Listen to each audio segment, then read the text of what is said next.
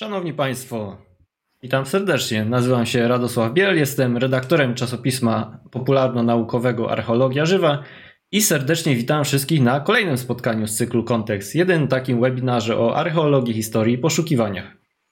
Podobno ceramika jest tym, co archeolodzy lubią najbardziej. A ja, drodzy widzowie, powiem Wam szczerze, w zaufaniu, że w edukacji każdego studenta archeologii można łatwo wyróżnić parę przełomowych momentów – o różnych rozczarowaniach związanych z nieodkopywaniem piramid czy ogólnym brakiem zaginionych ruin i skrzyń wypełnionych złotem, to może porozmawiamy przy okazji jakiegoś innego spotkania. Nie wiem, jak może opowiadać będziemy o e, rekrutacji na studia, ale dziś chciałem wspomnieć o momencie, gdy dotychczasową naukę o kamieniach i krzemieniach w pewnym momencie całkowicie zastępuje wymóg zapamiętywania kolejnych rodzajów i typów ceramiki i ceramicznych naczyń. Po studiach większość osób ma do niej stosunek ambiwalentny, niektórzy starają się o niej zapomnieć, stając się tak zwanymi kamieniarzami, albo unikają jej na każdym kroku jako osoba skromna waszego ulubionego prowadzącego. A niektórzy, jak moja dzisiejsza rozmówczyni, ceramice poświęcają całą swoją naukową pasję. Drodzy widzowie, powitajcie ją w komentarzach bardzo serdecznie. Jest z nami dziś doktor nauk humanistycznych w zakresie archeologii, pracująca w Instytucie Archeologii Uniwersytetu Wrocławskiego, autorka licznych opracowań dotyczących ceramiki z późnej epoki brązu i wczesnej epoki żelaza, wykorzystująca w swych badaniach analizy archeometryczne nie tylko teoretyzująca, ale i praktykująca, bo z niejednego pieca gar wyciągała. Doktor Dagmara Łaciak. Doktor, Dzień dobry. Serdecznie w imieniu swoich Miło mi bardzo. Dzień dobry. Pewnie się tylko, co by widzowie mi nie zarzucali później, że wygaduję jakieś głupoty. Dobrze przedstawiłem, jak to jest na naszych studiach? Bardzo, bardzo dobrze. Od początku wiedziałaś, że będziesz badać ceramikę już, czy może to później przyszło? Na pierwszym roku studiów. O. Pojechałam na wykopaliska do Miłosławic, do dr Ireny Lasak i tam zobaczyłam ceramikę malowaną i, i mnie trafiło. No to super. Mi to trochę dłużej zajęło. Jakby co, spokojni drodzy widzowie i słuchacze, nie spotkaliśmy się dzisiaj, by rozmawiać o tym, jak przebiegały nasze archeologiczne studia. Zanim jednak przejdziemy do właściwego tematu, jedna rzecz organizacyjna a propos naszego kanału YouTube, który jak zawsze tam na dole zachęcam do subskrybowania, jeśli oglądacie nas na YouTubie, abyście nigdy nie przegapili żadnego z naszych spotkań. Dwa tygodnie temu poprosiłem widzów o pozostawienie pod materiałem o prekolumbijskim Dzikim Zachodzie komentarzy z propozycją potencjalnych tematów na przyszłe spotkania i obiecałem, że autorzy pięciu, z najwięk... pięciu komentarzy z największą liczbą łapek w górę otrzymają od nas nagrody. Co prawda liczyłem na większy odzew z waszej strony i wiele do wygranej nie trzeba było. Wydaje się więc, że obietnica darmowej książki nie była wystarczająco kusząca. No ale zwycięzcy na pewno z tego powodu nie będą narzekać, a są nimi użytkownicy Onika Sagittarius, podkreśnik A, Skattlers, Niklot, Tamara Krężel i Karolina Pajęcka. Serdecznie im gratuluję. Jeśli nas teraz oglądają, to proszę o kontakt mailowy lub za pośrednictwem naszego profilu na Facebooku, za pośrednictwem wiadomości prywatnej. Dodam jeszcze tylko, że Sagittarius, sugerujący w swoim komentarzu zajęcie się tematem pierwszych hominidów, pewnością będzie zadowolony, że to do niego właśnie powędruje całkowita nowość, czyli książka mająca swoją premierę dosłownie w zeszłym tygodniu pod tytułem Krewniacy Życie, Miłość, Śmierć i Sztuka Neandertalczyków autorstwa Rebeki Wrak-Sykes. Jest to tylko jeden z paru egzemplarzy przekazanych nam przez wydawnictwo Pruszyński skaza objęcie tego tytułu patronatem medialnym archeologii żywej i tu mogę już zapowiedzieć, że w przyszłym tygodniu ogłosimy kolejny konkurs, w którym nagrodę stanowić będą właśnie pozostałe egzemplarze. Pytanie już mam, gdzieś tam w komentarzach pod jednym innym postem się pojawiło. Tym razem przeprowadzimy go jednak za pośrednictwem naszego Facebooka. Więc zachęcam do obserwowania nas również właśnie w tamtym serwisie. I teraz to jako pierwszy pośród widzów oglądających nas na żywo wrzuci w komentarzach link do naszego profilu by ułatwić ten jakże skomplikowany proces użycia wyszukiwarki wszystkim pozostałym osobom, będę bardzo wdzięczny. Widzę, że tradycyjnie jest już z nami sporo osób, są i stali bywalcy, a kto jest pierwszy, niech oczywiście przyzna się skąd nas ogląda, bo to już taka mała tradycja zasadnicza w kontekście. I to na tyle z ogłoszeń. Już cała przestrzeń Twoja, droga Dagmaro.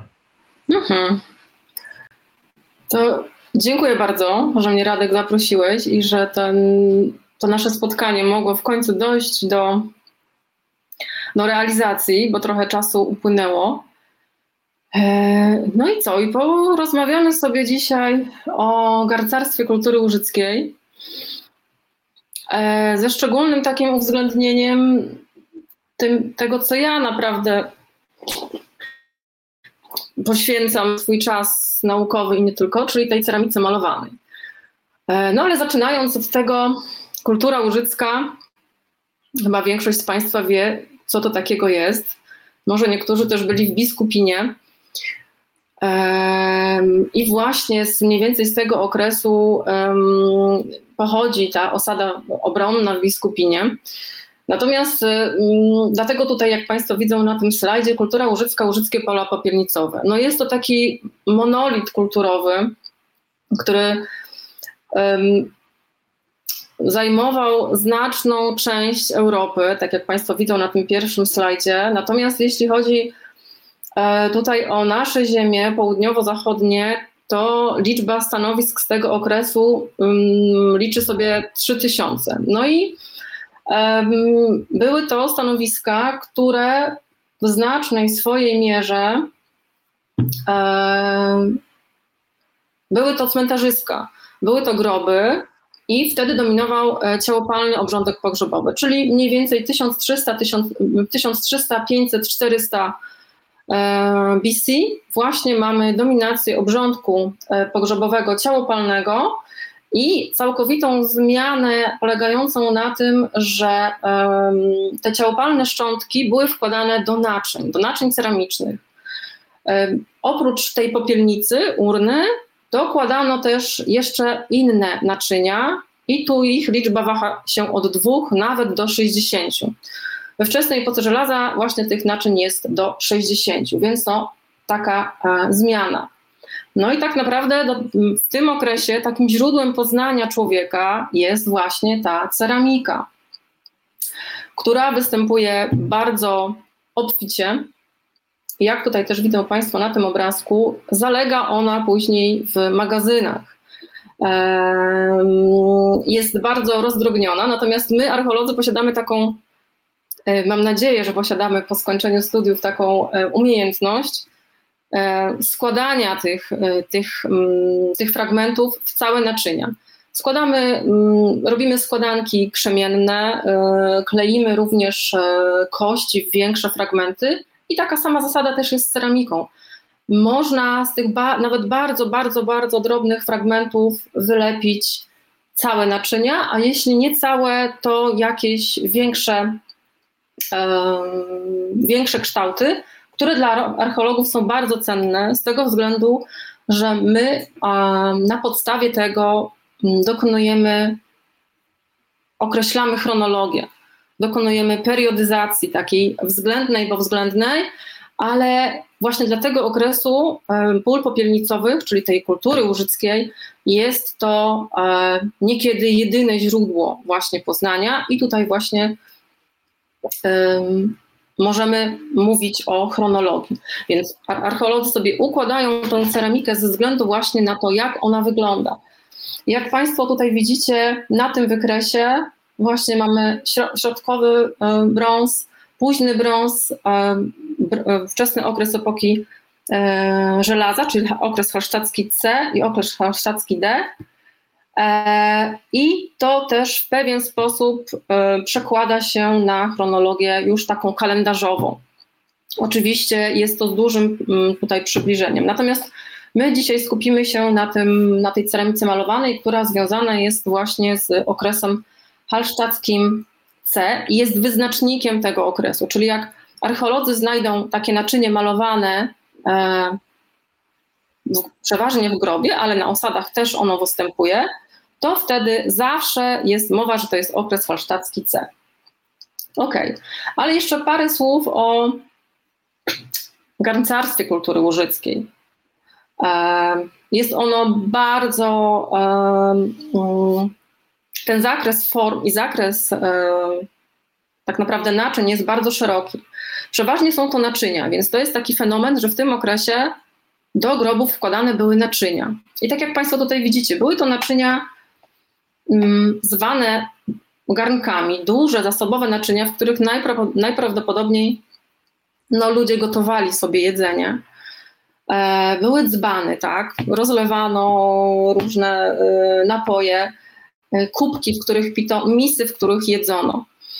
Więc to jest taki zestaw naczyń, który występuje zarówno na osadach, jak i właśnie na tych cmentarzyskach, w grobach. No, nigdy wcześniej ani później nie, nie, nie występowało coś takiego, że właśnie do grobu wkładano naczynia, takie jakich używano też na osadzie.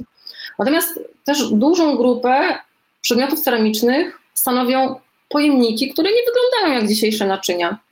I tak jak tutaj Państwo widzicie, rogi do picia, naczynia w kształcie buta, naczynia w kształcie stopy, naczynia zoomorficzne, ornitomorficzne, naczynia miniaturowe, które tak naprawdę no, nie możemy tutaj określić jakiejś y, użytkowej funkcji tych naczyń. Kadzielnice, talerze, y, naczynia dwudzielne czy trzydzielne, no i właśnie w te wspomniane zoomorficzne, antropomorf, y, zoomorficzne, ornitomorficzne albo no tutaj mi zawsze przypomina to naczynie jakiegoś dinozaura nawet.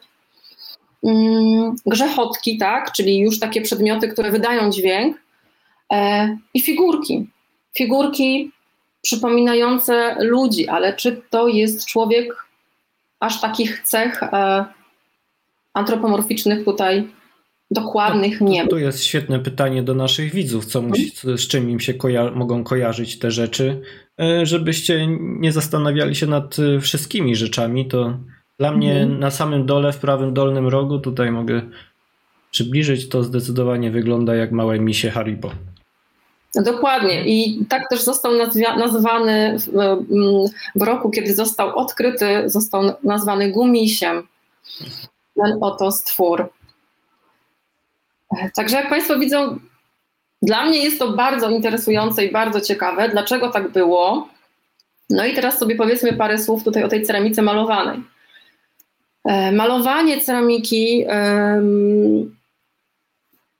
występowało już w neolicie. Wcześniej już ludzie malowali swoje ciała. Znacie na pewno też Państwo słynne malarstwo jaskiniowe, tak, przede wszystkim w Francji czy w Hiszpanii. Natomiast taki zwyczaj malowania ceramiki e, rozpowszechnił się w Europie e, zachodniej i środkowej właśnie w tym okresie halsztackim, czyli we wczesnej epoce żelaza. I tutaj na tej mapce mają Państwo przedstawienie tych niektórych koncentracji właśnie w Europie Zachodniej i Środkowej, i wybija się z, z, tych koncentracji stanowisk ceramiką malowaną właśnie obszar dzisiejszych ziem polskich, tej południowo-zachodniej części ziem polskich. Tutaj na, tym, na tej mapie widzicie Państwo e, w przybliżeniu te stanowiska i w większości są to cmentarzyska. Niewiele jest osad. E, więc ta ceramika występowała na cmentarzyskach, w grobach, w grobach zarówno takich, które nazywamy, że są bogato wyposażone, gdzie było dużo naczyń, ale też nie tylko. Dużo przedmiotów y, z brązu, z żelaza, z bursztynu, ze szkła, ale również w grobach, które nie posiadały takich ekskluzywnych wyrobów. Zestaw form. Zestaw form był bardzo podobny do tych naczyń, które nie były malowane. Więc one są charakterystyczne i znowu też są poniekąd niektóre wyróżnikami tego późnego okresu epoki brązu i wczesnego okresu epoki żelaza. Także tutaj Państwo macie zebrane te formy, które były malowane. Jakie było zdobnictwo, jakie motywy były malowane? E, były to najprostsze motywy geometryczne, czyli czworokąty, trójkąty, koła, które, można, które były w różny sposób powielane, do których były dostawiane kolejne motywy, jak kropki, kreski. Dzięki temu, plus oczywiście jeszcze barwy, bo tutaj ta gama go, um, um, kolorystyczna też ogranicza, była ograniczona, to był kolor kremowy, biały, czerwony i czarny. Ale to wszystko razem pozwalało tworzyć um, ogrom kompozycji kolorystycznych, plus do tego jeszcze tektonika naczynia, więc tak naprawdę bardzo rzadko można znaleźć dwa takie same naczynia malowane.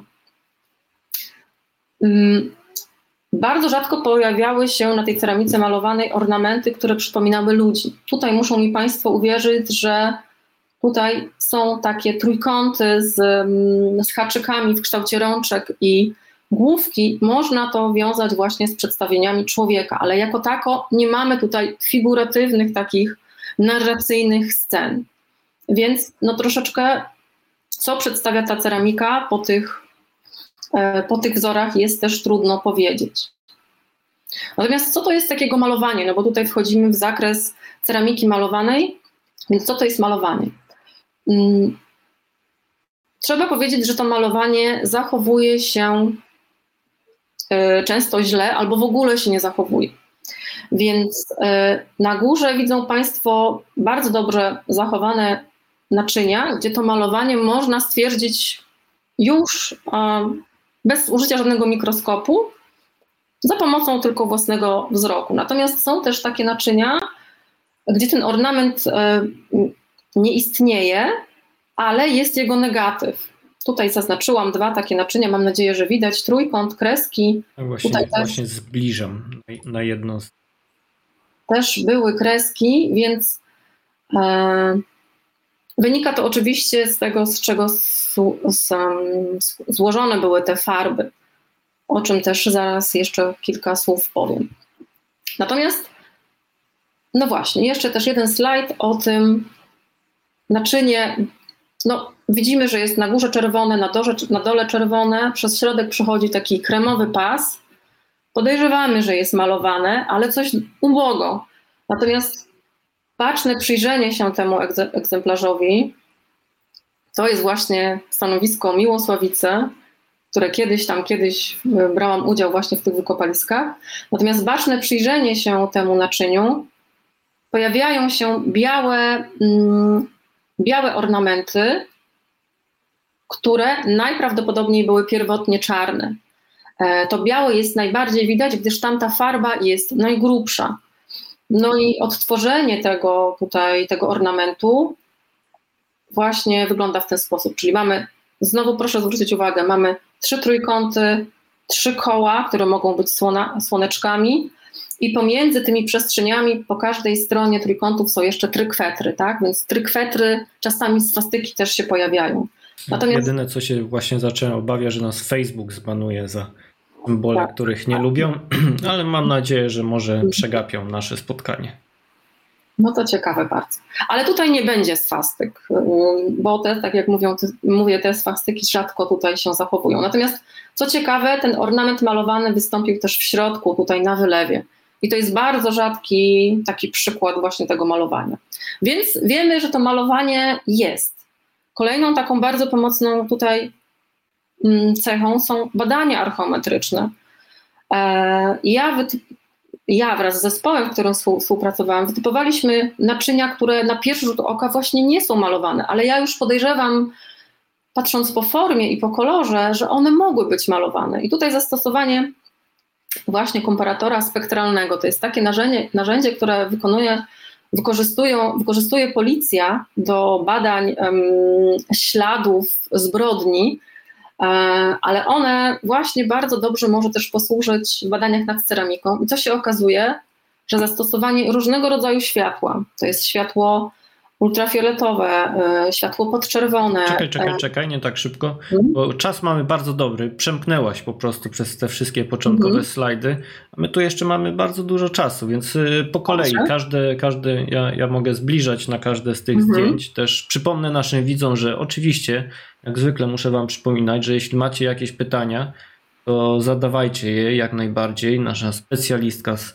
przyjemnością pewnie odpowie, choć o najprostsze pytania się najbardziej obawia, tak z tego co mi no. zdradziła, to pozwolę sobie, e, żebyś też e, nie myślała, że jesteśmy sami, są i też znajome osoby jak e, Radek Kuźbik, czy dobrze ci znany Tomek Stolaczyk, który od samego początku oczywiście wrócił z biegania, znając. Pozdrawiam. Pierwsze zdjęcie to jest światło normalne, tak? Tak, na górze widzimy, mm, e, to jest większy fragment misy oraz no, jeden fragment też jakiegoś misy albo czerpaka. I to jest zwykłe światło, które widzimy, każdy z nas dostrzega. Natomiast y, to narzędzie pozwoliło spojrzeć na to właśnie stosując inne światła. Ja tutaj wybrałam tylko te przykłady, które są takie najbardziej e, dla nas widoczne. Jest to światło monochromatyczne akurat. Mm, I proszę zauważyć, znaczy to światło monochromatyczne spowodowało luminescencję, czyli świecenie tych, tego pigmentu, który tutaj jest, on jest, ale my go w tym świetle widzialnym nie widzimy. Więc e, widzimy tutaj trójkąt, prawda? Bardzo powszechnie występujący na ceramice malowanej motyw. Prawdopodobnie on był e, czarną farbą malowany. Natomiast na tym fragmencie czerwonym tutaj coś podejrzewamy, że jest, ale ujawnił się nam, i to jest chyba swastyka. Tutaj ujawniła nam się chyba e, swastyka. Więc... Nie mówmy tego słowa, to ja wiem, że nic z nim złego nie ma, ale Facebook, e, koledzy z odkrywcy bardzo dobrze wiedzą, jakie problemy mają. Mówmy symbol solarny, jeśli nie masz nic przeciwko. Tryk, pojawił się tryk. Albo, albo właśnie. E, jestem, wiem, że to może brzmieć, brzmieć śmiesznie, ale właśnie wiem, jak, jakie koledzy z odkrywcy mają problemy, bo oni e, Rozumiem. i, i, i pewnego przywódcę III Rzeszy często mają na okładce i nieraz mieli z tego mhm. powodu problemy. Więc jest trykwedr, również symbol solarny, powiedzmy, że symbol szczęścia. E, więc wiemy, że te naczynia są malowane. Więc mm, najogólniej rzecz biorąc, ta ceramika może być podzielona na takie dwie główne grupy. I to jest bardzo ważne, gdyż wpływa to na jej interpretację, o czym też na końcu wspomnę. Więc Mm, mamy naczynia, które są malowane na kremowym tle. Mówię tutaj celowo kremowe, bo ono nie jest nigdy białe, ono jest właśnie takie żółte kremowe. Więc mamy te naczynia, które są malowane na kremowym tle. Mamy ma naczynia, które są malowane na czerwonym tle. Dochodzą nam jeszcze, i to jest też pewna nowość, naczynia, które były malowane na czerwono i grafitowane. E, takie naczynia na terenie ziem polskiej występują bardzo, bardzo rzadko. Gorszewice, Kietrz, e, do Masław. To tutaj, jeśli z pamięci mogę wymienić. Natomiast pojawia się nowa grupa naczyń grafitowanych. I o tym grafitowaniu to ja jeszcze za chwilę tutaj parę słów powiem. To jest taka tutaj nowość, może też pewna kontrowersja. Ale skupmy się na tych naczyniach malowanych, malowanych na kremowym tle i na czerwonym. Naczynie malowane na kremowym tle, ten, ta kremowość pochodzi może pochodzić od angobowania. Ale zanim to, to jeszcze powiem, jak i czym malowano. No bo tutaj mo Takie może pytanie państwo... już padło właśnie od pani Tamary, która wygrała okay, książkę. To, to już to będę mówił. Bo może zainspiruje Państwo ten mój tutaj, ta nasza rozmowa do wykonywania sobie naczyń, tym bardziej naczyń malowanych. A jeśli nie, to może do, zainspirują się Państwo tymi wzorami, i można wykonywać sobie wzory na własnych, własnych ubraniach. Kiedyś ktoś mi też powiedział, że te wzory bardzo fajnie by się sprawdziły jako tatuaż. Więc e, no zobaczymy. Bardzo możliwe, razie. ale wiesz, jak to jest z tatuażami. Najgorzej sobie tatuować takie, których znaczenia nikt nie zna. E, tutaj w ogóle mhm. jest utrudnione. Ja takie mhm. coś próbowałem na pisankach. Tak, bardzo tak. dobrze wyglądało. Na pisankach bardzo dobrze też się sprawdzają te motywy, też co Wielkanoc sobie wykonuje takie pisanki. Ok, więc czym malowano? to naczynie białe i czerwone to są ornam- przedstawiają ornamenty, które są bardzo cieniutkie, bardzo precyzyjnie wykonane. Też widać tutaj tak jakby rękę też człowieka, gdyż one nie są idealne, ale z drugiej strony są bardzo cieniutkie, więc przypuszczenie, że to musiały być pędzle. Co my wiemy na temat pędzli w ogóle w archeologii czy w historii? No to tutaj pozwolę się odwołać do e, czerwono-figurowego akurat, akurat malarstwa e, starożytnej Grecji, tak, antycznego, gdzie mamy takie przedstawienia osoby malującej. I faktycznie tutaj siedzi osoba we wnętrzu kyliksu jest wymalowana osoba, która maluje też kyliks, tak? Trzyma go na, mm, na kolanach i maluje ten kyliks właśnie cienkim, cienkim pędzelkiem. Tutaj znowu na tym kraterze mamy też osobę, która trzyma na kolanach y, krater i też maluje pędzlem. Więc możemy przypuszczać, że były to jakiegoś rodzaju pędzle. Ja wy, wykonałam mm, takie naczynia malowane właśnie z zastosowaniem pędzli. Zrobiłam te pędzle wzorując się znowu na źródłach etnograficznych, gdyż nie, nie ja też Indianie Shibibo wykonywali takie pędzle z własnych włosów. Ja sobie też z własnych włosów takie pędzle wykonałam i faktycznie dwa, trzy włoski ten pędzel jest bardzo, bardzo cieniutki. Natomiast co jeszcze zauważyłam, kiedy sama malowałam te naczynia, kiedy w ogóle ozdabiałam nawet nie, nie naczynia malowane, ale ogólnie naczynia tak zwanej kultury łużyckiej, to to, tak jak mówiłam, że te wzory ornamentacyjne występują przeważnie parzyście. E, 3, 6, 9. I um, proszę zauważyć, tutaj zrobiłam rekonstrukcję tego um, wozu naczynia na kółkach, wozu kultowego z Domasławia. I tutaj ten ornament jest bardziej skomplikowany, ale można też zauważyć pewne powtarzalne cechy. Mianowicie jak sobie Państwo gdzieś tam może tą prezentację później yy, yy, przybliżą, czy też to jest też wszystko opublikowane, więc można z tego skorzystać. Tutaj pojawiają się cztery takie um, podłużne um, figury czworokątne i one nam wyznaczają cztery przestrzenie, w których są trójkąty albo podwójne trójkąty i jeszcze z motywem solarnym, czyli ze słoneczkiem, tak? Więc w tym momencie, przy tak skomplikowanym e, ornamencie, można tą przestrzeń podzielić sobie za pomocą patyczków. I te patyczki e, odmierzają nam to, gdzie wyrysowujemy sobie te newralgiczne e, motywy czworokątne. I później już dalej takie malowanie idzie naprawdę bardzo sprawnie. Czym malowano? Jak wyglądały te farby? Y, ja też tutaj zaznaczę, że Państwu mówię o takich informacjach, które są poparte wiedzą historyczną, przede wszystkim też ze świata antycznej Grecji, ale też wiedzą taką archeometryczną, badaniami, które były przeprowadzone, e, w których brałam udział, które też sama mm, wymyślałam i, i gdzieś tam e, prowadziłam projekty. E, więc wiemy, że ta kremowa, biała barwa naczyń pochodziła z gliny, która jest biała, kremowa. O tym zaraz też powiem. Tutaj Państwo widzicie, jakiego rodzaju mamy gliny i jakiego, jakie one mają kolorystykę. Więc mamy kremowe, białe, one po wypale też są białe. Te szarawe wypalają się też na, na sposób taki e, jasny, natomiast czerwona glina które ma dużo tlenków żelaza, może wypalać się właśnie na czerwono. I właśnie te czerwone barwniki były z takich właśnie glin, które zawierają w sobie dużo tlenków żelaza, mają też z pigmentów takim jaki jest ochra i hematyt. Tylko tutaj ochra i hematyt musiały przejść um, odpowiedni sposób przygotowania um, tych pigmentów, żeby mogły stać się farbami.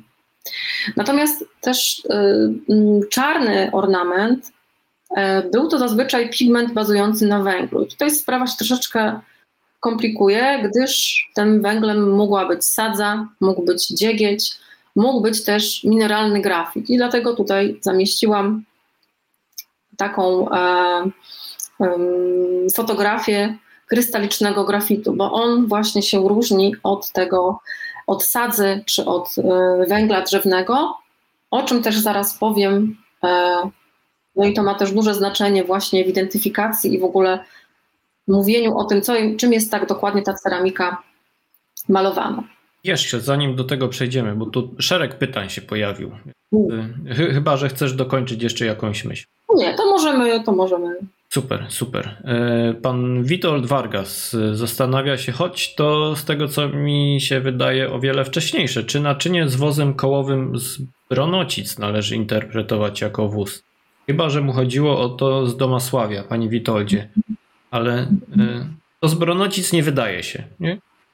To z Bronocic ma ryty ornament e, wozu i to jest jed, je, chyba Właśnie. najstarsze przedstawienie wozu jako takiego w ogóle chyba w Europie, jeśli nie na świecie. Tutaj tak, mogę tak. I, I, to jest e, kultura pucharów lejkowatych i to jest neolit. To jest mhm. neolit, trochę starsze tak. niż to, o czym mhm. opowiadamy.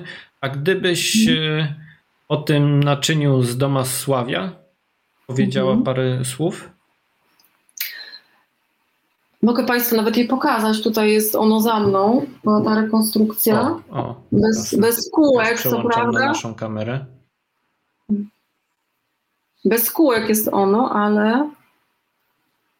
E, Dużo jak... takich naczyń się odnajduje, czy ono jest. To jest bo, jedną bo ja... na całym świecie. Znaczy, to jest Właśnie. rekonstrukcja. Proszę sobie nie myśleć, tak, że tak, mam tak. um, to naczynie.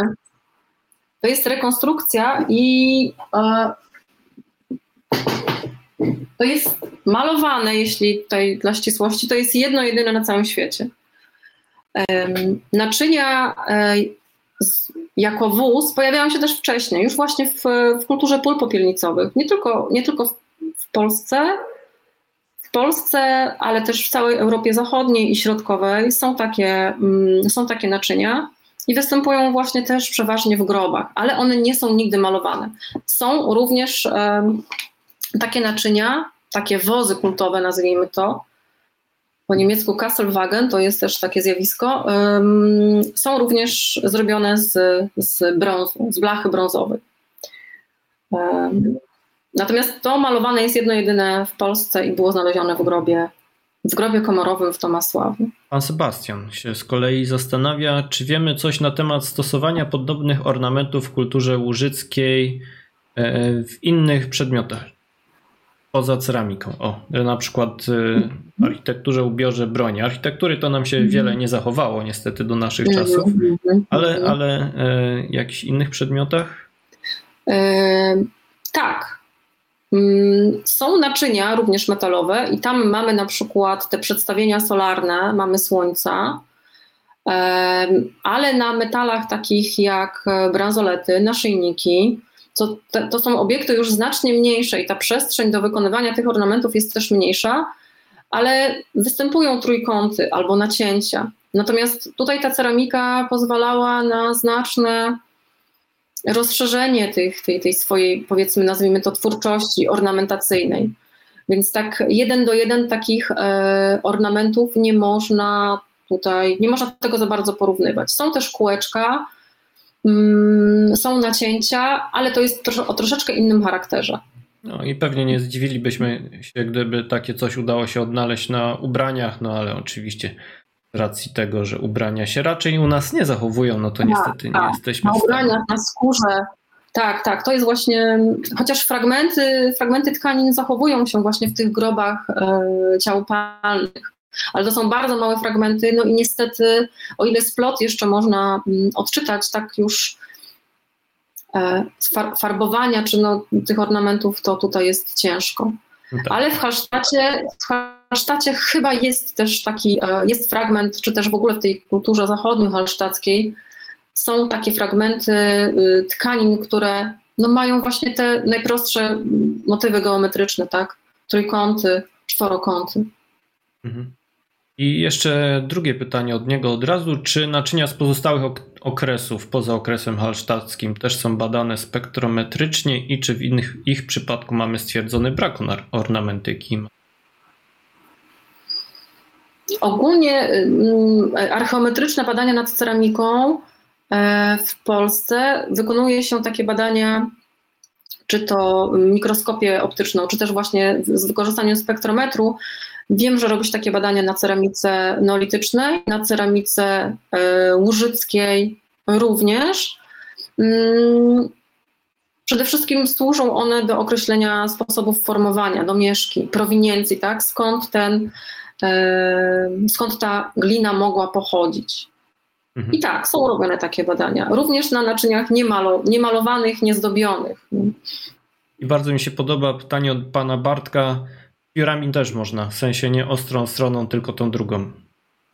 Jeszcze raz, czy co? Czy można piórami też malować?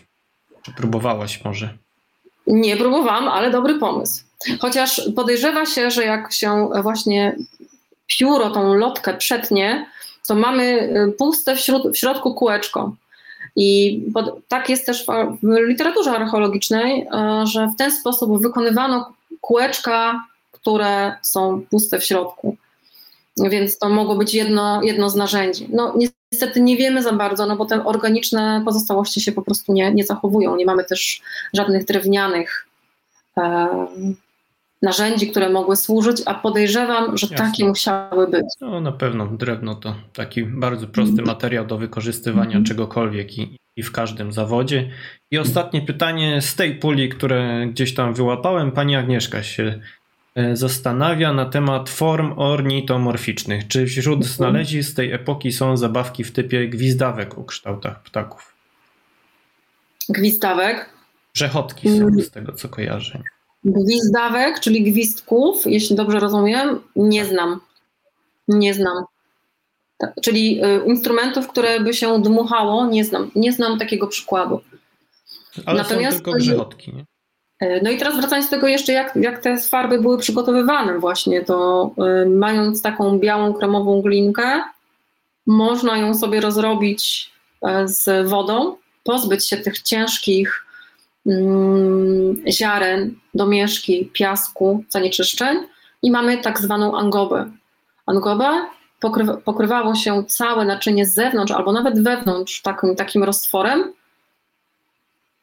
i należy to do pewnego sposobu malowania. Tutaj Państwo widzą właśnie te e, obszary, które nie są pokryte angobą, to jest naturalny kolor gliny, taki bardziej czerwonawy, pomarańczowy i to co jeszcze zostało do naszych czasów, czyli ten kremowy kolor pochodzi właśnie od tej angoby, od procesu angobowania. I bardzo dobrze to jest znowu widoczne właśnie w szlifach, w mikroskopii optycznej.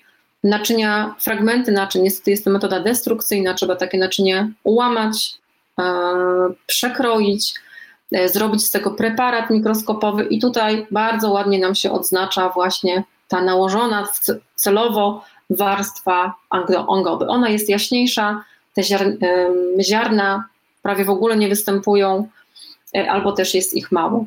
Kolejny przykład tutaj, e, więc ten fragment był i angobowany, i pokryty też czerwonym barwnikiem, który najprawdopodobniej powstał właśnie w ten sam sposób. Czerwona glina zmieszana z wodą powodowała powstanie farby. I znowu widzimy w tych preparatach mikroskopowych bardzo ładnie to jest widoczne.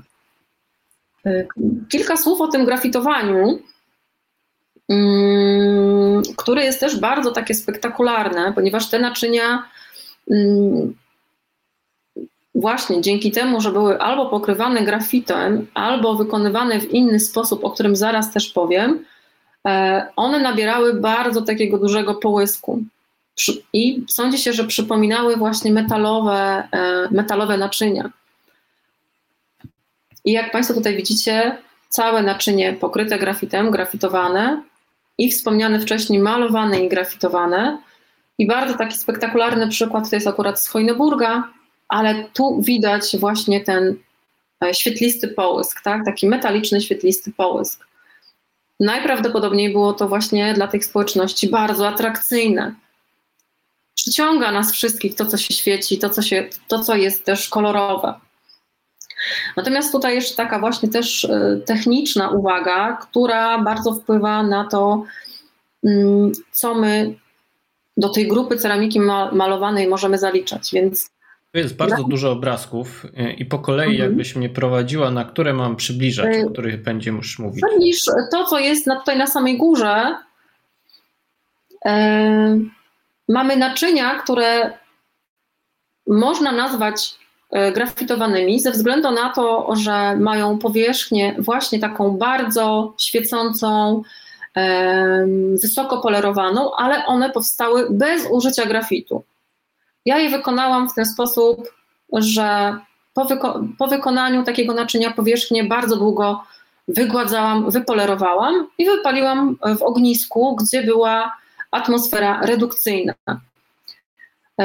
Ognisko nie jest to doskonałe, nie jest to doskonałe urządzenie do wypalania tutaj. E, zapanowanie nad atmosferą jest też trudne, więc te czarne, czarne powierzchnie na pewno były zredukowane.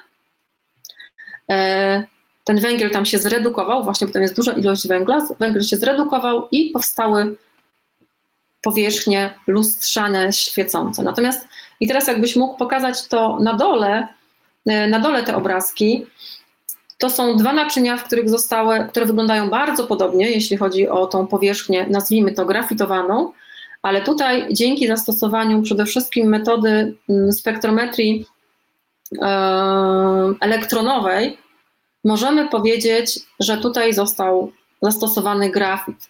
I my ten grafit, przede wszystkim ziarna grafitu widzimy w bardzo dużych powiększeniach i możemy e, dzięki badaniom chemicznym zbadać te miejsca, które przypuszczamy, że jest grafit i jest tam bardzo dużo zawartość właśnie węgla. No bo i sadza, węgiel drzewny, grafit to, są, to jest wszystko węgiel, ale żeby stwierdzić, że został użyty grafit, czyli minerał, musimy znaleźć tą strukturę krystaliczną. Między innymi um, właśnie badania SEM, ale też badania ramanowskie, spektroskopia ramanowska, wszystko razem przemawia za, za tym, że tutaj został użyty grafit. Więc jak mamy grafit, mamy kolejny pigment, tak, który mhm. został używany tak jak pigment, jak ochra, jak hematy. Więc ta grupa ceramiki malowanej tutaj nam się troszeczkę zaczyna poszerzać, powiększać. I też jeszcze tutaj kilka uwag o samej, mm, samym sposobie wykonania technologii tych naczyń. No i tutaj znowu nam się troszeczkę komplikuje, ale zaraz to wszystko wyprowadzę i będę zmierzać do tego, jakie to ma znaczenie, ta ceramika malowana i nie tylko dla archeologii.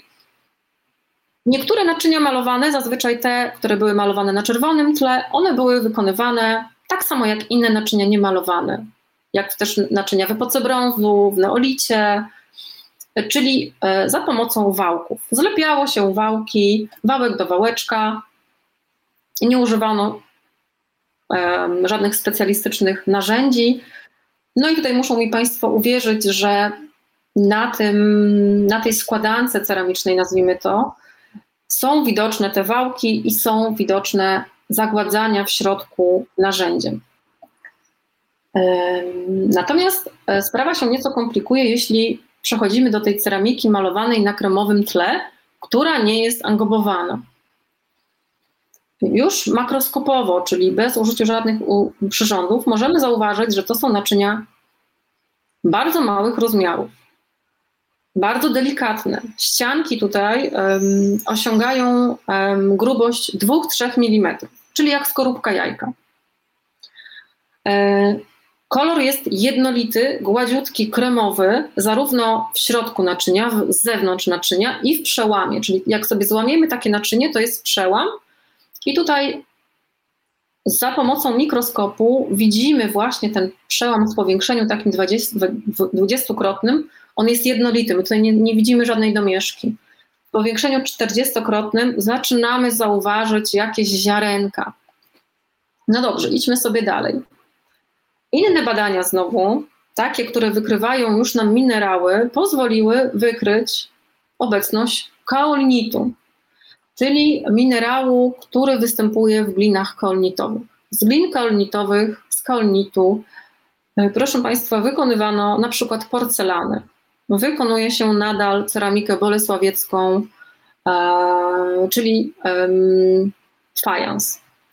Inne badania chemiczne znowu wskazały, że jest duża zawartość tlenków żelaza i tlenków tytanu. One odpowiadają, przepraszam, mała zawartość i one odpowiadają właśnie też za ten kolor, za ten jasny kolor. Gdzie taka glina e, zawartością kalnitu glina kalnitowa występuje? Występuje ona na Dolnym Śląsku. No na pewno każdy z nas zna e, bolesławiecką ceramikę właśnie tam są nadal duże pokłady tego typu glin, również e, w okolicy, okolicy Bogatyni, Bolesławca, okolice dzisiejszej Legnicy, Jawora, e, Strzegomia, Strzelina. To są te miejsca, gdzie takie pokłady były albo jeszcze nadal one istnieją. Przypominam, że ta ceramika malowana w największym stopniu właśnie występuje na terenie Dolnego Środkowego Śląska. Tak, to ma sens, to ma sens, ale, ale naprawdę tylko w tamtym terenie, nigdzie indziej w Polsce? Tak aż Polsce? nie mogę uwierzyć. Oczywiście, mm, oczywiście y, to, to są największe pokłady. Mm, takie glinę kalnitową można również w mniejszej ilości zebrać sobie z, mm, w pobliżu jeziorek, e, rzek ale wymaga to specjalnego, specjalnych procesów i specjalnej, jakby tak powiedzieć, technologii. No tutaj ta prowiniencja zbliża nas, e, bo też proszę Państwa, ta ceramika, nazwijmy ją kolonitowa na kremowym tle, ona występuje, ona występuje najczęściej właśnie na terenach tutaj południowo-zachodniej zachodniej Polski. Bardzo rzadko występuje w Czechach, czy na Morawach, czy w Niemczech. Ale to tak na marginesie. E, jeszcze zaraz też do tego wrócę. Natomiast surowiec kolnitowy, czyli też taki, który zawiera bardzo mało tego szkieletu ziarnowego, nie nadaje się do lepienia z wałków. E, ja wykonywałam sobie też takie, takie, takie próby. Było bardzo ciężko, było to niewykonalne. Tak, taka glina jest, e, taki surowiec ceramiczny jest e, wykorzystywany do formowania z użyciem koła garncarskiego. Natomiast koło garncarskie na terenach Polski pojawiło się znacznie później, 200-300 lat później, kiedy to mamy okres lateński, Celtowie przynieśli tą technologię. No Dzięki chyba, że Scytowie. Te ostatnie ale odkrycia. Tutaj, ale to mówimy o wschodzie Polski. Tak, tak, zdecydowanie. I ona też była importowana z tego, co się orientuje po, po, po publikacjach. To jest też bardzo ciekawe w ogóle zagadnienie. Hmm, więc Celtowie z, z, tutaj z zachodu, a Scytowie ze wschodu, ale wszystko opiera się o Grecję i kolonie greckie, prawda? O to, co oni tam sobie wymyślili. E, ale idąc właśnie tym tropem, mm, że mm, bardzo wymaga, wymagający surowiec ceramiczny, no nie mamy tego koła, nie można, nie można wykorzystać tego do toczenia. Wykonaliśmy też, y, mm, no bo jeśli koło, to też te formy są bardzo do siebie podobne kształtem. I wykonaliśmy tutaj skanowanie 3D i zrobiliśmy y, modele 3D, która, które można było na różny sposób sobie obrobić, pociąć, w różnych, mm, y, pociąć, zrobić przekroje i w różny sposób sobie na to spojrzeć, na te naczynia. I okazało się, że tak, że one są do siebie tutaj bardzo podobne. To są, to są dwa czerpaki nałożone do siebie. One są w kształcie, w rozmiarach, w grubości ścianek, one są do siebie bardzo, bardzo podobne. No ale nie było tego koła jako takiego. Natomiast okazuje się, że koło garncarskie można wykonywać nie tylko do toczenia naczyń. To koło garncarskie służyło jako taką ruchoma podstawka. I tutaj naczynia, to są akurat cztery sposoby pokazane tego, e, pokazane, e, w jaki sposób można najpierw naczynie ulepić z wałków, a później obrobić je ostatecznie, nadać mu ostateczny kształt, wygładzić te, te ścianki, nadać im właśnie tą cienkościenność przy użyciu koła garncarskiego, przy użyciu podstawki, która też jest pewnego rodzaju kołem. Natomiast wykorzystanie tego surowca, który nie nadaje się kolnitowego, który, którym no, fizycznie nie można, nie można e, wykonać z, nich, z niego wałków i połączyć sobie tych wałków, żeby nam powstała ścianka naczynia, jest tutaj jeszcze inna hipoteza, że te naczynia, do wykonania tych naczyń służyły formy, że one były wyciskane w formie. I teraz Sigilata, znana na pewno też Państwu, rzymskie naczynia terasygilata właśnie były wyciskane w formie i później obrabiane za pomocą koła garncarskiego. I żeby sobie sprawdzić też to, te hipotezy, wykonałam właśnie ten wspomniany już wóz z Domasławia, używając bardzo zbliżonej gliny typu kalnitowego z małą zawartością domieszki i wycisnęłam tą podstawową formę misy w makutrze. To jest makutra mojej babci, przywieziona ze wschodu. E, do tej pory nawet mamy dwie takie. Wycisnęłam, oczywiście tutaj wkładając najpierw e, materiał, to troszeczkę podschło i mogłam tą misę wyciągnąć z tej formy. Dole, już możliwy był, możliwe było dolepienie jednego, jednego wałka, jednej taśmy. Zagładziłam ścianki, wyklepałam te ścianki i później, bo te, tak jak mówiłam, te naczynia są bardzo symetryczne, one są bardzo dobrze wykonane, więc żeby nadać ostateczny kształt wylewowi, użyłam już yy, drewnianych narzędzi, takich specjalistycznych narzędzi garncarskich. Tutaj, jak Państwo widzicie, długo, yy, może niewiele godzinne, ale wielominutowe gładzenie, używanie tych narzędzi pozwoliło mi osiągnąć e, taki efekt w wykonaniu tego naczynia. Więc reasumując tutaj te cechy technologiczne, które są tak istotne, mamy naczynia, które były w tej grupie naczyń malowanych, mamy naczynia, które były wykonywane w sposób tradycyjny, jak wcześniej w epoce brązu, za pomocą właśnie tej metody lepienia z wałków. Mamy naczynia, które miały bardzo specyficzny specyficzną masę ceramiczną, specyficzną glinę, która najprawdopodobniej pochodzi z tego terenu, gdzie ta ceramika występowała, ale musiała być ona odpowiednio też przygotowana i tutaj stosowano na jakimś etapie koło garncarskie albo też wyciskano o, takie naczynia w formach. I pojawia się też ceramika, która była grafitowana.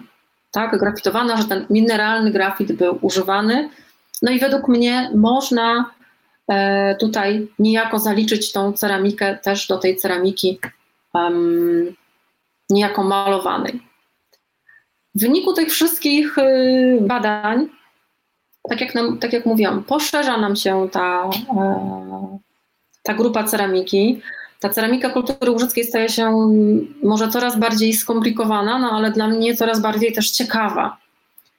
E, no jakie tutaj już reasumując i zmierzając do tego, jakie było znaczenie, po co to wszystko, tak jak mówiłam, e, muszą Państwo sobie zdać sprawę, że to były e, może nie bardzo kolorowe, ale jednak kolorowe rzeczy.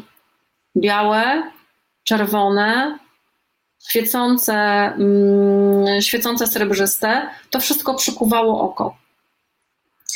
E, więc ta ceramika występowała w tak zwanych grobach bogato wyposażonych.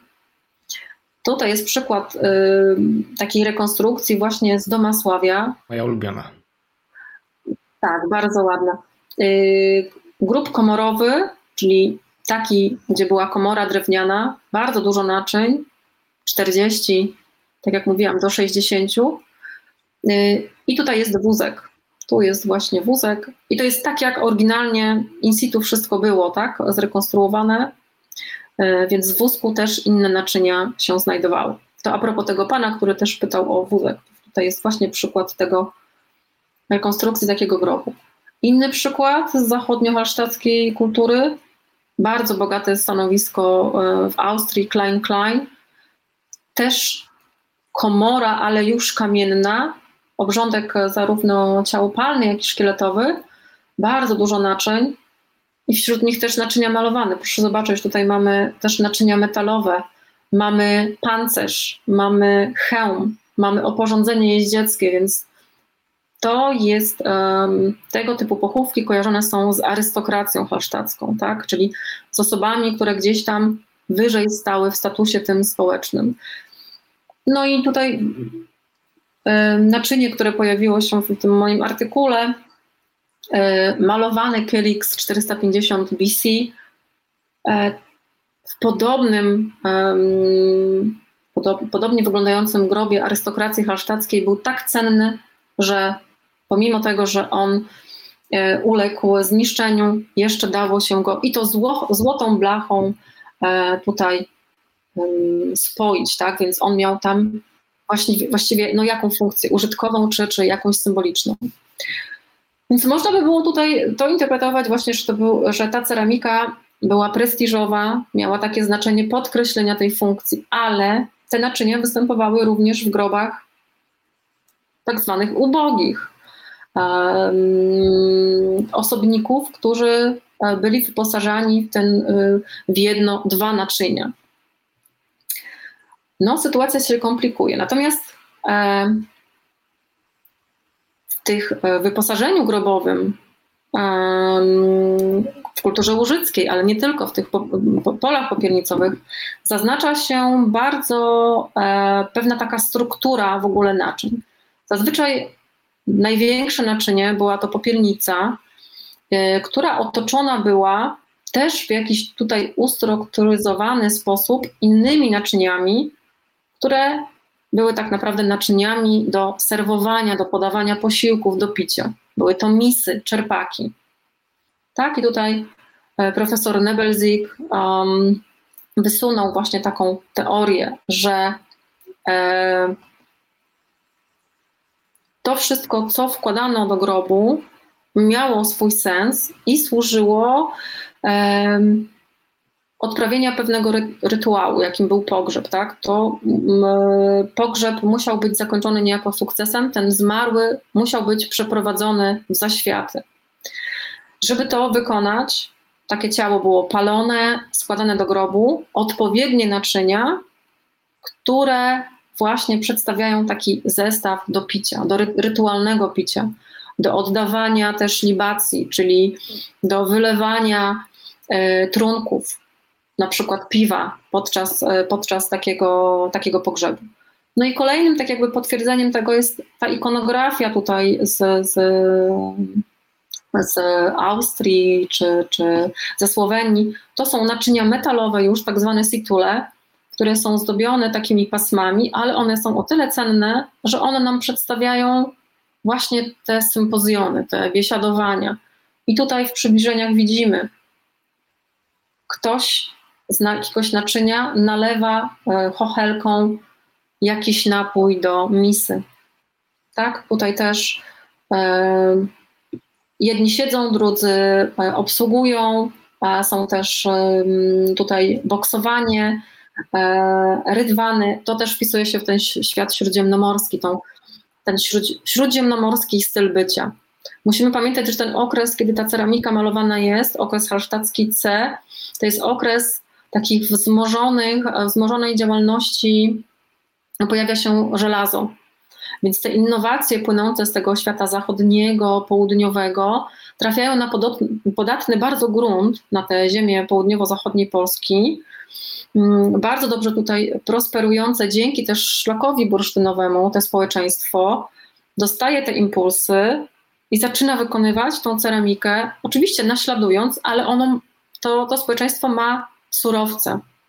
I według mnie Mm, w jakiś sposób wymyśliło właśnie też ten kolnitowy wariant ceramiki malowanej, tej malowanej na kremowo, e, no żeby podkreślić ten styl życia, tak?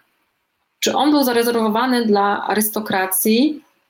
Niekoniecznie. To był, mm, e, to był po prostu styl życia, tak jakby zapatrzenie się właśnie w tamten, w tamten świat. I to jest wszystko. I tylko chciałam jeszcze na koniec y, powiedzieć, że y, zachęcając może niektórych do za, zainteresowania się nie tylko ceramiką łużycką, ale ogólnie ceramiką, że jest ona no, źródłem inspiracji, także inspiracji e, dla garncarzy ludowych. Tutaj Państwo widzicie na dole takie właśnie rekonstrukcje wierne z lat 50., 60., mm, które były produkowane przez e, garncarzy ludowych na zlecenie Cepeli.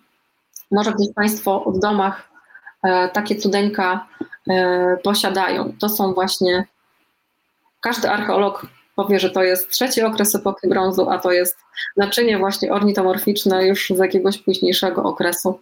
I bardzo ładnie można sobie wydatować, ale pochodzące już z lat 60. zeszłego wieku.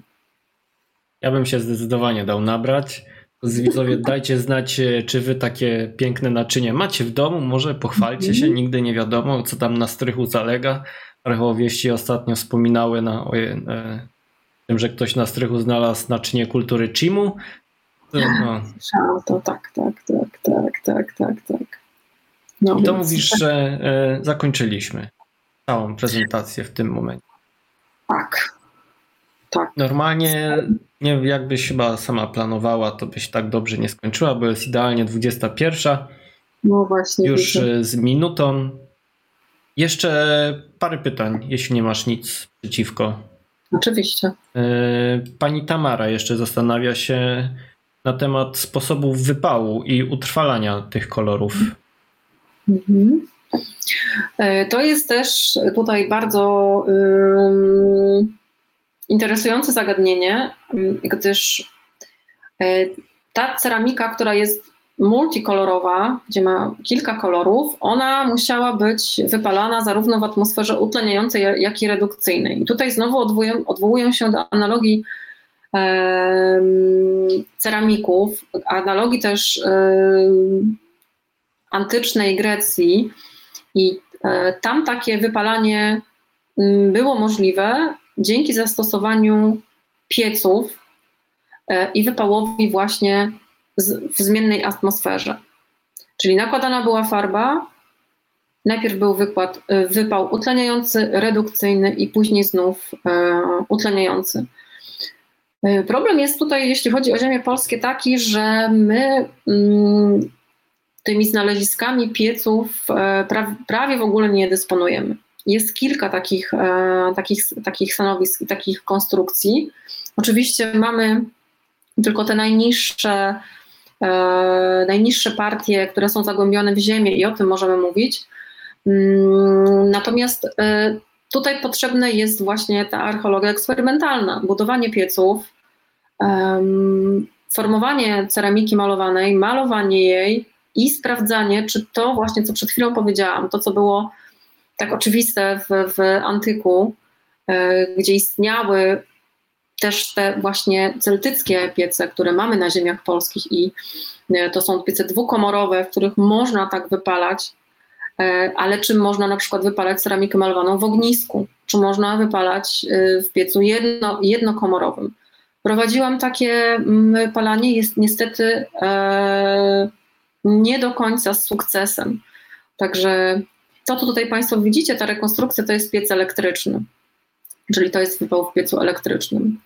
Także tu jest jeszcze dużo do zrobienia. No tak, tak. Musi być kontrolowana atmosfera, ognisko tak, nie Tak, tak, dokładnie. Tyle wiem o ceramice.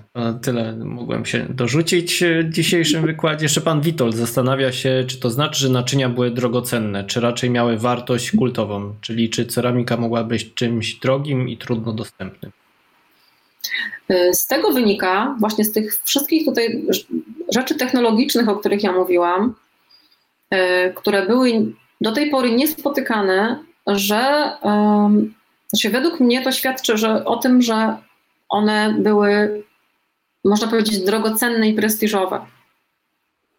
Że ta technika, technologia, sam proces, y, trzeba też się było postarać o o surowiec, o glinę, która nie występowała wszędzie, i o pigmenty, które też wszędzie nie występują, i też trzeba było posiadać wiedzę, żeby przetworzyć te surowce w odpowiedni sposób, przygotować masę ceramiczną i przygotować farbę.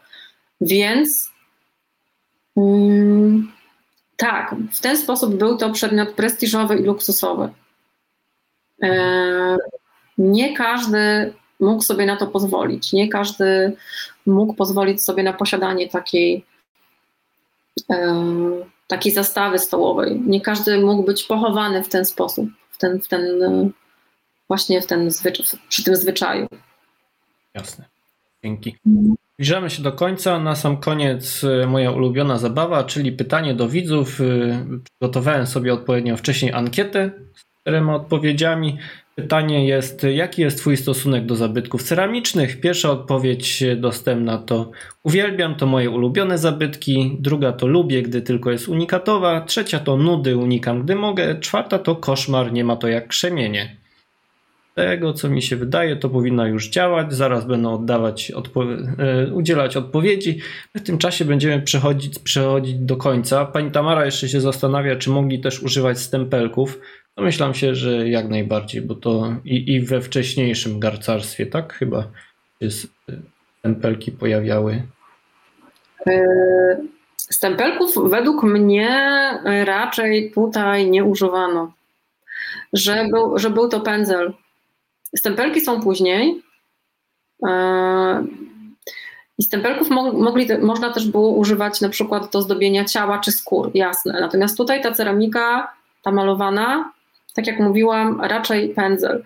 Natomiast innego rodzaju zdobienia ryte mm, można było wykonać za pomocą jakiegoś rylca, na przykład patyczka. Natomiast e, stemple to już jest późniejsza sprawa, tak na, na na szerszą skalę.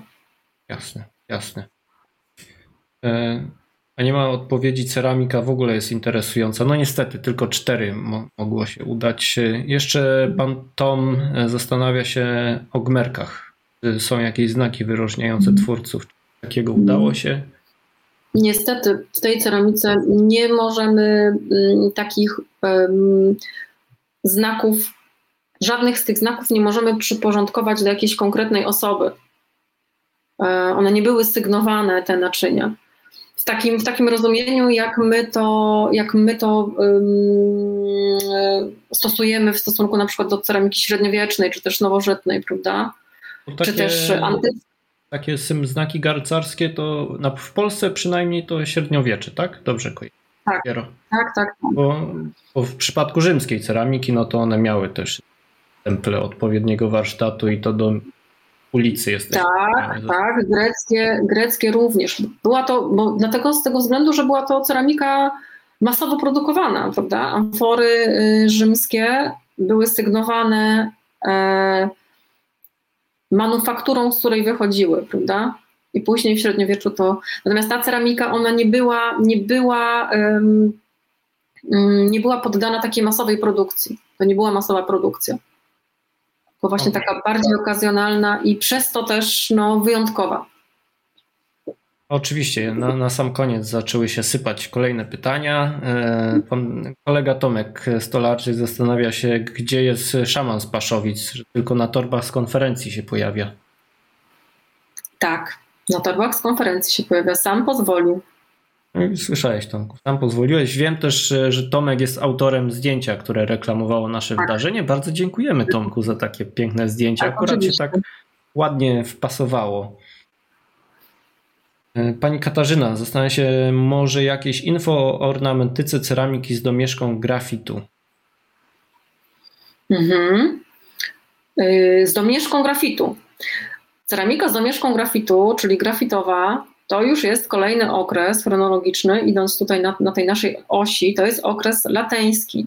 Może mm, chodziło jej o grafitowaną. Ja Aha. też mi wiesz. Nie jestem pewny. Ja pamiętam, mhm. że zawsze z tym miałem problem. Wiem, że dzisiaj mówiliśmy o grafitowanej. E, ornamentyka tam jakaś. Brakujesz. To ja i, i Tak. E, ornamentyka na tej, w którą wcierano ten mineralny grafit, nie jest aż tak rozbudowana. Znaczy, też może w te, w te, mogę mówić w tym względzie, że tak jakby no, jest to dość nowe odkrycie e, tego, że tam był wcierany grafit i że możemy to też zaliczyć do tej ceramiki malowanej, ale to jest powtarzalność, trójkąty. Tutaj jak Radku przybliżysz, to, to jest całe nagromadzenie trójkątów e, na na obrzeżach, w środku, różnie ułożonych, trójkątów czy kątów. Więc e, to grafitowanie powierzchni powodowało, e, że można było te ornamenty w różny sposób nakładać. Można było ryć, można było e, gładzić jeszcze tą powierzchnię, w wyniku czego, jak sobie Państwo kiedyś może w muzeum się, czy, czy uda, czy ktoś będzie mieć może w rękach takie, takie naczynie, tutaj mm, to naczynie już w samym świetle widzialnym, kiedy będziemy sobie je przekładać i, i układać pod różnym kątem, one ma taki charakter trójwymiarowości. Dzięki właśnie temu, że mm, na różnych głębokościach były umieszczone te ornamenty, trójkąty e, i też tektonika naczynia. Także odpowiadając na pytanie, ten, te, ta ornamentyka jest troszeczkę uboższa, ale tak, opiera się na trójkątach, na kołach. Mhm. No to mnie zainteresowałaś teraz w tym momencie i z pewnością U. będę e, szukał takich e, naczynek. Jeszcze przedostatnie pytanie e, od mhm. kolegi Radka. Czy jest znany przykład pieca garncarskiego, paleniska, w których zachowały się destrukty naczyń malowanych? Nie z okresu halsztackiego nie. I bardzo, bardzo rzadko w ogóle destrukty, czy też w pobliżu takich obiektów um, jest znajdowana ceramika. W Biskupinie, w Sobiejuchach i w Wicinie na tych grodach też są e, piece i tam tej ceramiki no, już jest e, więcej i to jest tak jakby ten trop. Ale niestety mm, nie mamy, właśnie, właśnie nie mamy takiego obiektu do wypalania, gdzie ta ceramika malowana mogła się znajdować. Jasne. Tutaj, bo jako, że to jest stała, stały widz, koleżanka Beata z Muzeum w Bytomiu, Zastanawia mhm. się, że kilkanaście lat temu profesor Łukasz Karwowski z Wydziału Nauk o Ziemi UŚ przeprowadzał mhm. eksperymenty z. Mhm. I tutaj nie rozumiem, odlewaniem cienkościennych naczyń łużyckich. W jaki sposób mogą być odlewane? Może, może się jej uda jeszcze coś tutaj sprecyzować w kolejnym komentarzu. Mhm. Ponieważ y, ta glina kolnitowa, jeśli dodamy do niej bardzo dużo wody, mamy masę lejną i w ten sposób też się robi porcelanę obecnie, gdzie mamy formę, tak jak tutaj na pewno koledzy metalurdzy wykonują swoje e, mm, e, kopie metalowych, brązowych rzeczy, tak? E, wlewają płynny metal, tak dzisiaj obecnie wlewa się taką masę lejną z dużą zawartością kalinitu, który jest jasny i delikatny do formy i otrzymuje się właśnie gotowe, gotowe naczynie. Jest to też jakaś tutaj opcja, czy te naczynia właśnie malowane na kremowym tle mogły być w ten sposób robione. Mhm. Tutaj podsumowując już całkowicie nasze spotkanie, a tym samym również ankietę, która no, nie wszyscy zagłosowali z tego co widzę po liczbach oddanych. Oczywiście wynik mogłem się spodziewać, że będzie taki, a nie inny przy takim spotkaniu, że raczej pojawią się sami pasjonaci. 12% uwielbia, 10, znaczy 46% uwielbia, 38% lubi, 12% to krzemieniarze, a 4%, czyli dosłownie jeden głos, raczej unika. To, to nie ja, hmm. tylko tyle powiem. Ktoś inny. Bardzo się cieszę. Tak, Beata pisze, że masa była wlewana do formy. To... Mm -hmm. Mm -hmm. E, I pan Bartosz się zastanawia, jaka jest literatura polecana, ale tym idealnym A. przejściem przejdziemy do zakończenia. A, jeszcze miałeś ten. Dobrze, dobrze. To szybko tak, pójdzie. Tak, tutaj, przepraszam, na końcu jest. Zapomnieliśmy o najważniejszym slajdzie dla tych, którzy są e, zainteresowani. A jeszcze, bo kawałek ucięty, to. To jest zainteresowany wszystkimi rzeczami, które były widoczne. Facebook nam nie pozwala na Full HD 1080. Tutaj trzeba spełniać różne dziwne wymagania dodatkowe, ale nasze spotkanie pojawi się już jutro najpewniej na YouTubie i tam będzie dostępne właśnie w pełnej rozdzielczości Full HD i będziecie sobie mogli zobaczyć wszystko, jeśli e, teraz e, nie byliście w stanie zobaczyć. A oprócz tego, co, co jest polecane, no to chwila na pożegnania co ciekawego robisz, gdzie mogą cię śledzić. Będą różne linki właśnie teraz na ekranie się pojawiać i, i profile, więc y, czas dla ciebie. to chciałam jeszcze raz podziękować Tobie, Radek, że, że, że mogłam szerszej publiczności, nie tylko związanej ściśle z archeologią, tą wiedzę przekazać. Mam nadzieję, że to było jakoś w jakiś sposób komunikatywne. Można się zapoznać z tymi publikacjami, można gdzieś tam mnie wyszukać. E, no, pozdrawiam znajomych, bo chyba są. Ja tutaj na razie tego nie mogę śledzić, ale widzę, że, że są z różnych muzeów. Pozdrawiam serdecznie. Może moi znajomi ze studiów e, i, i z Polski, i zagranicy. Mam nadzieję, że ktoś się zainteresował, zainspirował. Ja tylko powiem ze swojej strony, że nadal frapuje mnie ta ceramika. Jest ona jeszcze do końca tutaj nie, nie, nie, nie odkryta, jeśli chodzi właśnie o, o to, czym była i dlaczego tak w ten sposób, a nie inny powstawała, i nadal nad nią pracuję już z wykorzystaniem innych metod. Ale jeszcze tego nie mogę zdradzać. Tak, nie byłaby to nie byłaby to nauka, gdyby zasadniczo wszystko było odkryte, nie? Mhm, tak, ale mnie frapuje właśnie, jak to było zrobione. No to oczywiście trzymamy kciuki jak najbardziej. Ja tylko przypomnę, że artykuł pani doktor można znaleźć w jednym z starszych numerów archeologii żywej.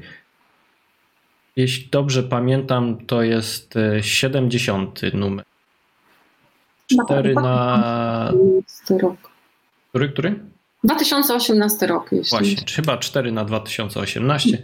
Próbowałem tutaj sięgnąć, ale nie udało mi się wyciągnąć troszkę dalej niż w moim zasięgu. I chwila ode mnie. Oczywiście zachęcam wszystkich, którzy pozostali z nami do tego momentu. Tutaj jest y, najnowszy numer archeologii żywej na waszym ekranie. Pójdźcie, szukajcie w Empikach. Jeśli nie ma, to pytajcie się. Wiem, że najwięcej problemów jest zawsze z kolporterem ruch. Niby tam nam, nas powinni wystawiać, ale to wszystko zależy od kioskarza. E, niektórzy w ogóle nie mają pojęcia, że coś takiego jak archeologia żywa istnieje, ale zamówić mogą. Wystarczy, żeby im powiedzieć, a nuż pojawią się jacyś e, nowi nam czytelnicy. Oczywiście zachęcam do prenumerowania archeologii żywej. Prenumeratorzy są dla nas największym skarbem, bo wiemy, że mamy stałych e, zasadniczo wówczas czytelników. I na sam koniec jeszcze z najważniejszych rzeczy miałem powiedzieć, że bardzo dziękujemy dwóm profilom e, facebookowym, które promowały nasze wydarzenie, Instytutowi Archeologii Uniwersytetu Wrocławskiego oczywiście, a także profilowi Pobite Gary, czyli sekcji garcarstwa i archeologii doświadczalnej Studenckiego Koła Naukowego Uniwersytetu Też pozdrawiam ich serdecznie. Mam nadzieję, że oglądają, a, że nie, a nie, że tylko się tam e, na Facebooku Też mam taką nadzieję. I to zasadniczo będzie na tyle. To jest ostatnie spotkanie przed dłuższą przerwą. E, robimy sobie przerwę w kontekście na cały sierpień. Najprawdopodobniej może, może nie, nie, nie obiecuję, ale może uda się jakiś materiał nagrać na wykopaliskach w Czechach, w Lipkowicach i, i coś nie na żywo się uda zorganizować, ale to jeszcze dopiero kwestia jakichś tam pomysłów. Jeśli nie będzie, nie ścigajcie mnie. Tyle powiem. Może też kiedyś w końcu się ten materiał o szubienicach pojawi na YouTubie, ale coś ciężko, coś ciężko. Trzeba będzie tam gości gonić. Nie żebym zrzucał winę na kogoś innego niż siebie. I tym pozytywnym akcentem oczywiście żegnamy się. Mamy do wszystkich teraz. Trzymajcie się, szanowni państwo. A i oczywiście, tak Maro, bardzo dziękuję, że przyjęłaś zaproszenie. Jak, jak mógłbym zapomnieć było najważniejszym, najważniejszym. Było bardzo miło. Trzymajcie się, drodzy widzowie, zdrowi.